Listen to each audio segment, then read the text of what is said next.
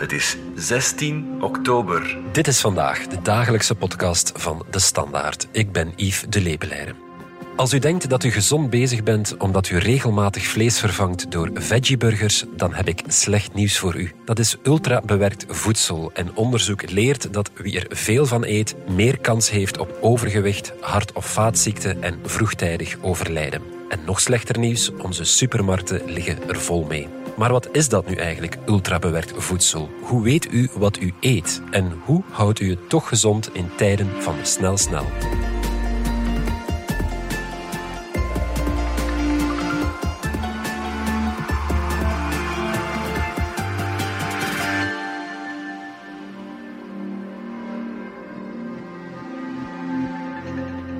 Voor we beginnen nog even dit. Als je als min 26-jarige nog geen abonnement hebt, dan hebben we een heel interessant aanbod. Want voor amper 1 euro per week kan je de standaard al lezen. Alle info vind je op standaard.be. Ga zeker eens kijken. En nu geef ik graag eerst het woord aan Fran de Vos. Toen zij ontdekte dat haar bloedwaarden slecht waren, zette dat haar aan het denken over wat er bij haar allemaal op tafel komt. Deze zomer wou ik bloed geven in het Rode Kruiscentrum, maar ik mocht niet, want ik bleek net geen bloedarmoede te hebben. Toen ben ik beginnen nadenken van waarom? Omdat ik vroeger nooit dat probleem heb gehad. Maar toen viel me in frank dat ik sinds de laatste twee jaar steeds meer vleesvervangers ben beginnen eten. Omdat ik de enige vegetariër ben thuis. En dat is toch wel gemakkelijk als je dan een veggieburger in de pan kan smijten. Maar die vleesvervangers die zien er wel uit als een vervanging voor het vlees, maar qua voedingswaarde zijn die dat niet. Plus, die zijn uiteraard ook ultra bewerkt, waardoor dat ze niet zo gezond zijn als je zou denken. Toen heb ik beslist om terug, zoals vroeger, meer vers en gezonder te koken. Ook voor mezelf en niet alleen voor de rest van het gezin. Ik denk dat veel mensen zichzelf blijven voorliegen van ja, het is toch uh, gezonder dan uh, al dat bewerkt vlees. Want charcuterie is ook niet gezond. Uh, dus het is dan toch nog altijd beter dan. Maar ja, het is belangrijk dat je gezond eet. En je kan altijd kijken van ja, andere mensen eten nog ongezonder. Er zijn mensen die heel veel gefrituurd eten. Er zijn mensen die... Maar je moet niet naar de andere mensen kijken. Je moet naar jezelf kijken en hoe jij je erbij voelt. Maxi Eckert van onze wetenschapsredactie, welkom. Een vraagje om te beginnen. Wat heb jij deze middag gegeten? Wel, we nemen deze podcast op op een woensdag. Dat is klassiek een dag dat ik geen boterhammen meeneem naar het werk, omdat ik geen boterhammen moet smeren s ochtends. Mm -hmm. En op een normale woensdag ben ik dan te lui om dan voor mezelf boterhammen te smeren. En koop ik dan wel smiddags een slaatje of een broodje. Heb ik ook gedaan deze middag. Kijk, een broodje met groentjes, meer granenbrood met groentjes is toch gezond? Wel, dat kan heel gezond zijn.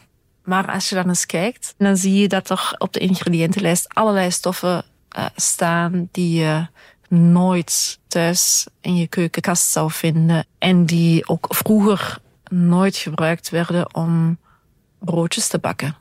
Dus dat is ultrabewerkte voeding. En het inzicht groeit toch wel dat er iets aan de hand is met ultrabewerkte voeding, dat die niet zo gezond is. Ja, en over ultrabewerkt voedsel, daar willen we het vandaag over hebben, want je hebt er een paar artikels over geschreven. Na suikers en verzadigde vetten nemen wetenschappers nu blijkbaar dat ultrabewerkte voedsel in het vizier. Maar misschien moet je eerst even uitleggen, wat is dat? Dus je kunt voeding indelen naar gelang de mate uh, waarmee het bewerkt is. Dus je hebt minimaal onbewerkte voeding, zoals fruit, een banaan, die hoef je alleen open te doen. Mm. Je hebt olijfolie, daarvoor moet je olijven persen. Je hebt gewekt uh, groente, dat is ook bewerkt. Maar dat zijn allemaal bewerkingen die je ook thuis kunt doen. Mm. En dan heb je de voeding die je alleen in fabrieken kunt produceren. En dat is de zogenaamde ultrabewerkte voeding. Dus dan gaat het over voeding waaraan stoffen zijn toegevoegd, additieven, kleurstoffen, smaakstoffen, eh, die befaamde E-nummers. Mm. En ook heel belangrijk, bij ultrabewerkte voeding worden processen gebruikt die je thuis niet kunt nabootsen. Een voorbeeld daarvan is extrusie. Dat is het proces um, waarbij bacon chips, van die spekjes chips, geperst worden, in vorm gebracht worden en tegelijkertijd ze heel poreus worden. En dan worden ze zo heel krokant. Dat is iets dat kun je thuis niet namaken. Dus dat is de ultra-bewerkte voeding. En voor alle duidelijkheid, dan gaat het helemaal niet alleen over junkfood, diepvries, pizza's, maar over alle voeding dat wordt bewerkt om bijvoorbeeld langer te kunnen bewaren. Die klassieke kant-en-klaar maaltijden, waar we altijd aan denken. De diepvrieslasagnes, de diepvriespizza's, de grote potten met ijs uit de supermarkt. Dat is ultra-bewerkte voeding. Mhm. Maar in die categorie horen ook andere uh, producten thuis. Producten waarvan wij zouden zeggen, die zien er toch eigenlijk heel gezond uit. Ja. Dus een voorbeeld is van die boterhamspreads uit de koeltoog. Ja. Daarvan zijn sommige ultra bewerkt. Er zijn ook uh, stoffen aan toegevoegd die, zoals ik al zei, die je niet thuis hebt. En die ook door processen op een manier smeug worden gemaakt dat je ze wat je thuis niet kan nabootsen. Ja. En die zitten ook mee in die tussen aanhalingstekens verdachte hoek en komen nu ook in het vizier. Dus het gaat echt om meer dan alleen de klassieke junkfood. Ja, onze supermarkten liggen er vol mee. Ja, er liggen in onze winkelrekken uh, ligt er veel meer ultrabewerkte voeding dan, dan verse voeding. En vaak vind je de ultrabewerkte voeding op zeer prominente plaatsen. Dus um, dat heeft er natuurlijk mee te maken dat de winstmarges veel groter zijn. Ja, het, is, het zijn grote bedrijven die die producten maken. Um, ze gebruiken goedkope ingrediënten. En dus is het um, zeer aantrekkelijk om die te verkopen. Dus uh, is het in België zo dat uh, toch een behoorlijk deel van de energie die wij dagelijks consumeren komt uit ultrabewerkte voeding. De cijfers die ik nu ga noemen zijn al wel wat ouder, maar in 2014, 2015 ging het om 30 procent mhm. van de energie die we uit ultrabewerkte voeding haalden.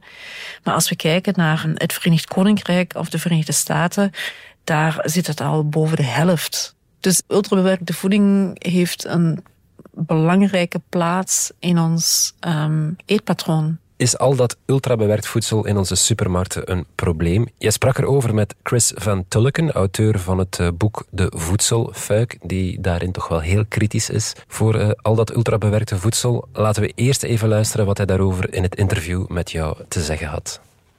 The problem, I think, is much less to do with the ingredients than it is to do with the purpose of the food. Essentially, ultra-processed food is food made with the purpose of generating financialized growth for institutional investors. And so the purpose of these companies is to produce not just profit, but growth. And I, I'm not very critical of that. That is the system in, in which we live. But we have to acknowledge that when those are the incentives, uh, the outcome you get is extremely addictive food made using the cheapest possible ingredients. And um, if healthy food is not an incentive, healthy food will not be an outcome. Maxi, ik hoor Chris van Tulleken samengevat hier zeggen: het zijn multinationals die dat ultrabewerkte voedsel op de markt brengen, die alleen geven om winst en niet om onze gezondheid. Ja, en nog sterker, hij zegt eigenlijk uh, dat die bedrijven gedreven zijn door groei. Ze willen groei genereren. En mhm. dat kun je, als het gaat om voeding, eigenlijk in zijn logica, als we er even in meegaan, alleen genereren als je mensen al maar meer doet eten van hun voeding. Mhm. En uh, hij haalt in zijn boek ook een, een, een slogan aan die we allemaal kennen. We weten meteen waarover het gaat. En dat vat dat heel mooi. Once you pop, you can't stop. Pop it up and get in the mood. Once you pop, you can't stop. Never had a trip like this before. Got to have some more. Once you pop. Dat is de logica. Eens dat je begint chips te eten, kun je niet stoppen. En ja, dat is natuurlijk als je als bedrijf wilt dat een product aanslaat en blijft aanslaan, ja, dan wil je natuurlijk dat mensen het heel lekker vinden, zo lekker dat ze eigenlijk niet kunnen stoppen met eten. Once you pop, dus per definitie is ultrabewerkt voedsel ongezond, mogen we dat dan zeggen? Wel, dat is dus de hamvraag. Hè? Dat is eigenlijk waar het allemaal om draait. Want we zien nu, en ik moet wel zeggen dat dat voor mij ook echt wel een eye-opener was, dat we de gezondheidseffecten van ultrabewerkte voeding niet allemaal kunnen terugbrengen tot suiker, zout en vet dat erin zit jarenlang dachten we met z'n allen dat uh, kant-en-klaar maaltijden, ultrabewerkte voeding, niet gezond is, omdat er vaak verdoken suikers in zitten. Ja. Maar nu zijn er meer en meer aanwijzingen dat ultrabewerkte voeding hand in hand gaat met een verhoogd risico op um, hart- en vaatziekten, um, op diabetes, op overgewicht.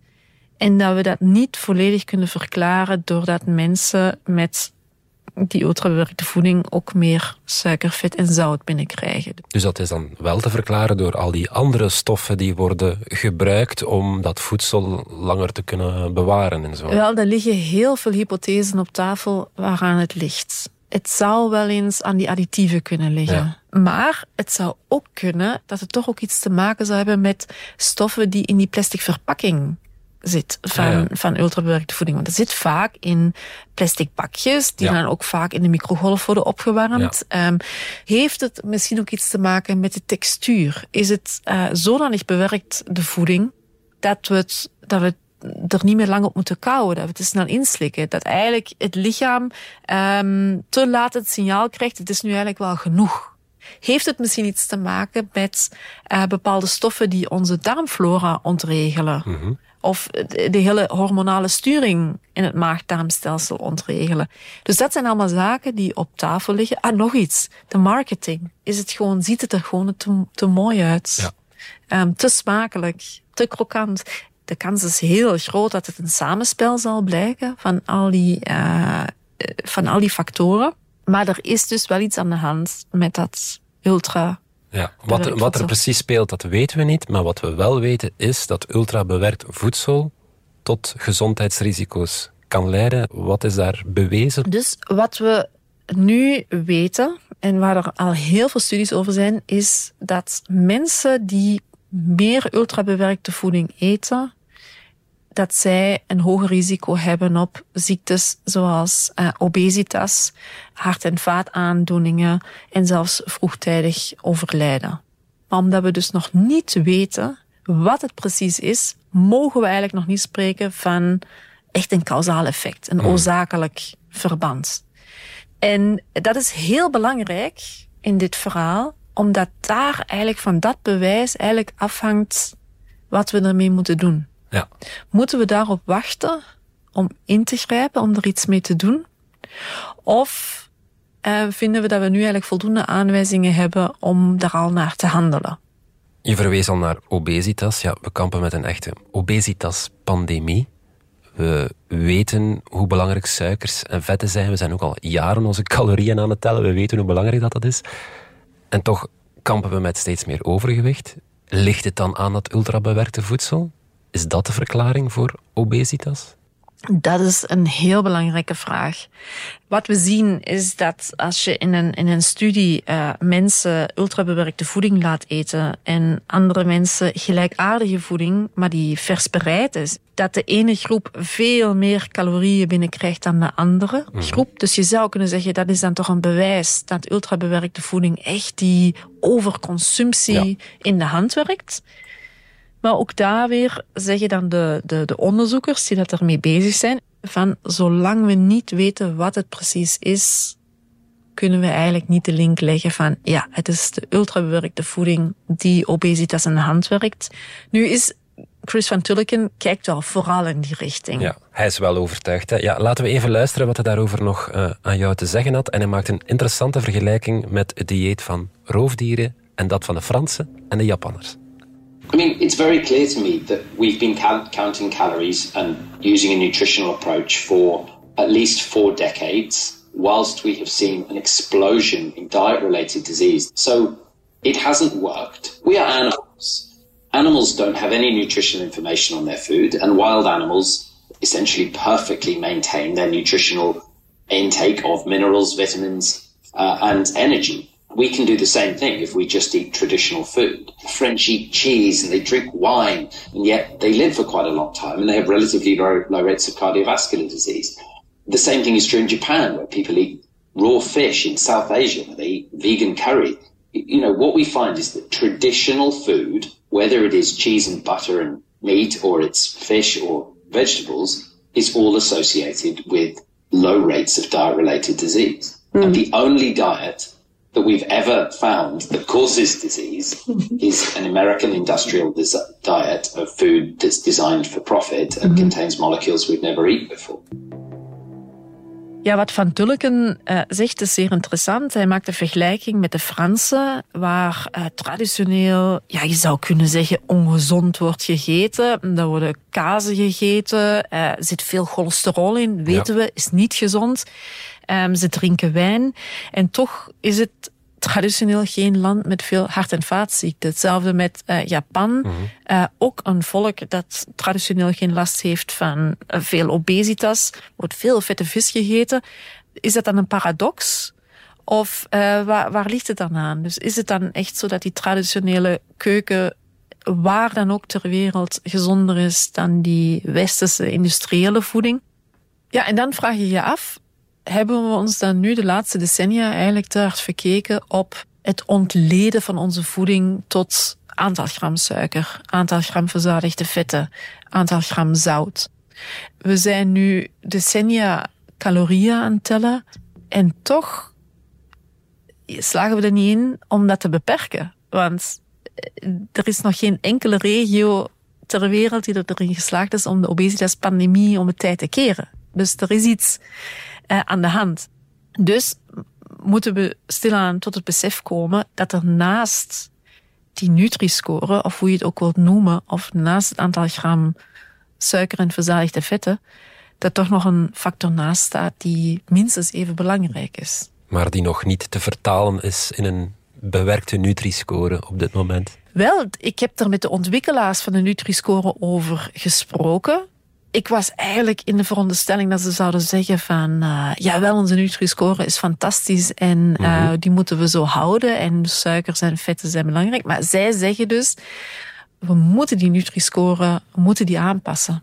Ze willen rond die kleurencode willen ze in het geval van ultrabewerkte voeding een soort van eenvoudige zwarte kader zetten, dat je eigenlijk in één oogopslag ziet Nutri-score A, zitten veel groentjes in, veel vezels, weinig suiker, maar houden wel rekening mee, het is wel ultra bewerkt. En zit dat er aan te komen, zo'n zwarte rand rond die Nutri-score? Wel, ik ben heel benieuwd wat er de komende jaren gaat gebeuren. En ik vermoed, als ik nu een gok moet doen, dat binnen nu en een paar jaar we effectief met een aangepaste Nutri-score gaan zitten. Oké. Straks kijken we nog wat we in het dagelijkse leven kunnen doen om aan dat ultrabewerkte voedsel toch een beetje te ontsnappen. Maar eerst gaan we er even uit voor reclame. In de komende 30 seconden verrijken 54 beleggers hun portefeuille. Investeren er daarvan 47 ecologisch verantwoord, nemen 33 cryptomunten terug een duik, waarna 447 miljoen EU-inwoners opgelucht ademhalen omdat de euro lijkt te stabiliseren. De financiële wereld beweegt razendsnel. In onze podcast Stand van Zaken staan hoofdeconoom Koen de Leus en Chief Strategy Officer Philip Gijsels stil bij de financiële trends, zodat u uw blik kan verruimen. BNP Paribas Fortis, de bank voor een wereld in verandering.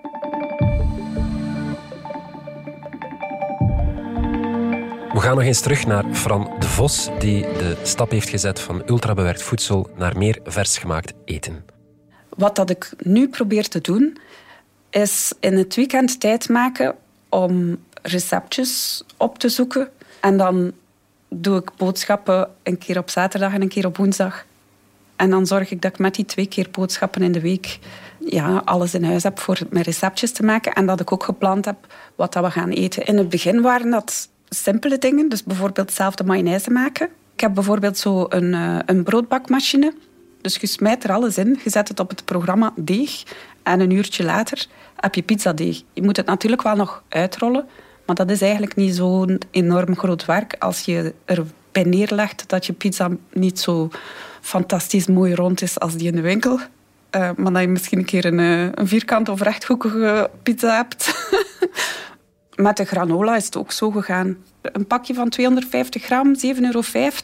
Als je dan weet hoe snel en hoe gemakkelijk je dat zelf maakt, dan heb je ook geen zin meer om dat geld er nog aan uit te geven. Er zijn veel mensen die denken dat het ongelooflijk veel tijd vraagt om dingen zelf te maken. Maar ik zie rond mij, iedereen heeft tijd om alles op Instagram te documenteren en elke dag Facebook te checken. En mayonaise maken duurt twee minuutjes. Dus als je dat van je social media tijd afhaalt, dan uh, is dat zo gebeurd. Maxi, ja, misschien een goede tip. Maak jij je mayonaise ook zelf? Wel, het is grappig dat je het vraagt en ook dat uh, Fran de Vos erover is begonnen. Want uh, de mayonaise was bij mij thuis een uh, ding. een ding? een ding, ja. ja, mijn man is een half jaar geleden of zoiets begonnen met ketchup en mayonaise zelf te maken als hamburgers aten. En ik vond dat eigenlijk altijd verspilde moeite. Mm het is zo goedkoop en zo gemakkelijk om het gewoon in de winkel te kopen. En we weten toch al dat het niet gezond is. Maar goed, hij kookt heel graag. En het is nu eigenlijk, doordat ik dan een stukje heb geschreven over ultrabewerkte voeding, dat... Um, dat, ik, uh, dat het opnieuw ter sprake kwam en dat het nu ook mijn goedkeuring krijgt, die zelfgemaakte mayonaise het is eigenlijk heel weinig moeite, heel weinig tijd om het even zelf te maken. En je weet precies wat erin zit. Mm Wat eigenlijk wel heel fijn is. Mm Er zit geen suiker in, want suiker heeft er niks in te zoeken. Er zit geen stabilisator, emulgator nodig, die ervoor zorgt dat de mayonaise niet terug begint te schiften. Want je maakt alleen maar zoveel mayonaise als je nodig hebt en ja. dan is het op. En dan is het ook gewoon welletjes geweest en hoef je ze ook niet te conserveren. En ik vind dat wel een belangrijk aspect van die hele discussie ja, welke plaats heeft de bereiding van voeding eigenlijk in ons dagelijks leven? Mm -hmm. En moeten we ons niet ook die vraag stellen? Hoe willen we voeding bereiden? Welke functie heeft dat voor ons? Uh, welke tijd mag het kosten? Welke organisatie, welke planning? En dat is ook wel wat ik ook hoorde in het gesprek met Fran de Vos, dat ze zich ook die vraag stelt. En bij haar zo heb ik haar begrepen, is het wel een verschuiving van een taak. Iets moet op tafel staan. Als we honger hebben, moet er eten zijn. Het is een verplichting om het te maken naar het hoort bij ons leven en we, we houden er rekening mee. En het bereiden van voeding wordt zo eigenlijk ook wel weer leuker. Mm -hmm. Want je bent niet alleen iets aan het opwarmen, maar je bent echt iets aan het maken. Je kunt er ook een beetje je creativiteit in kwijt.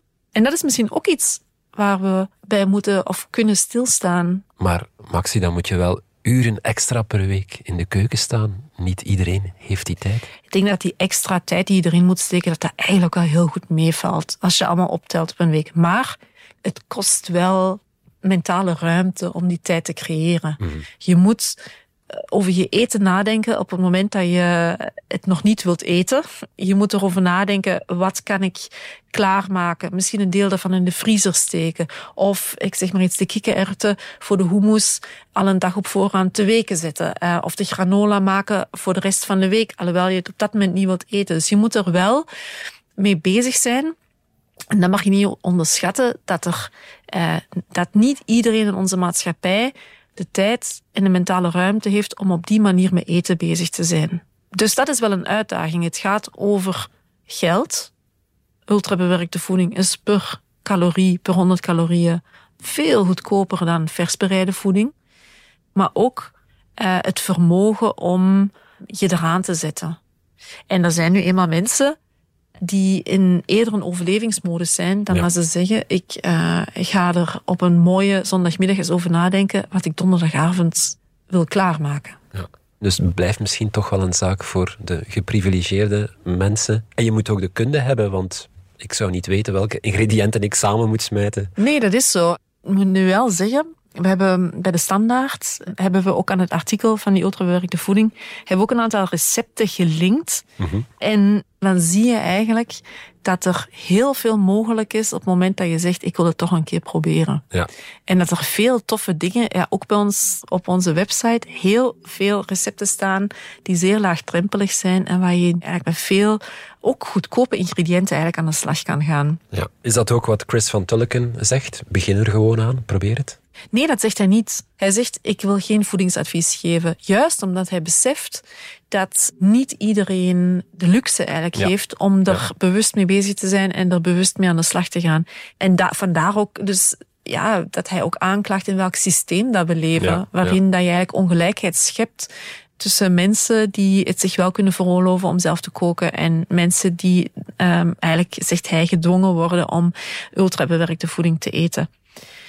Maar luister vooral even zelf wat hij erover zegt, want hij zweert ultrabewerkte voeding ook niet volledig af, omdat hij weet dat we in een wereld leven waar het nu eenmaal alomtegenwoordig is. I never give advice, so um, if you're struggling with this, you have my love and sympathy, and I'm sorry that you live in a food system that it generates inequality and injustice, and particularly for disadvantaged people. If you are someone with resources, I invite you to read everything you can and keep eating the food. Treat the food as an addictive substance, so learn about it while you eat. And you may find, as I found, that it became uh, disgusting.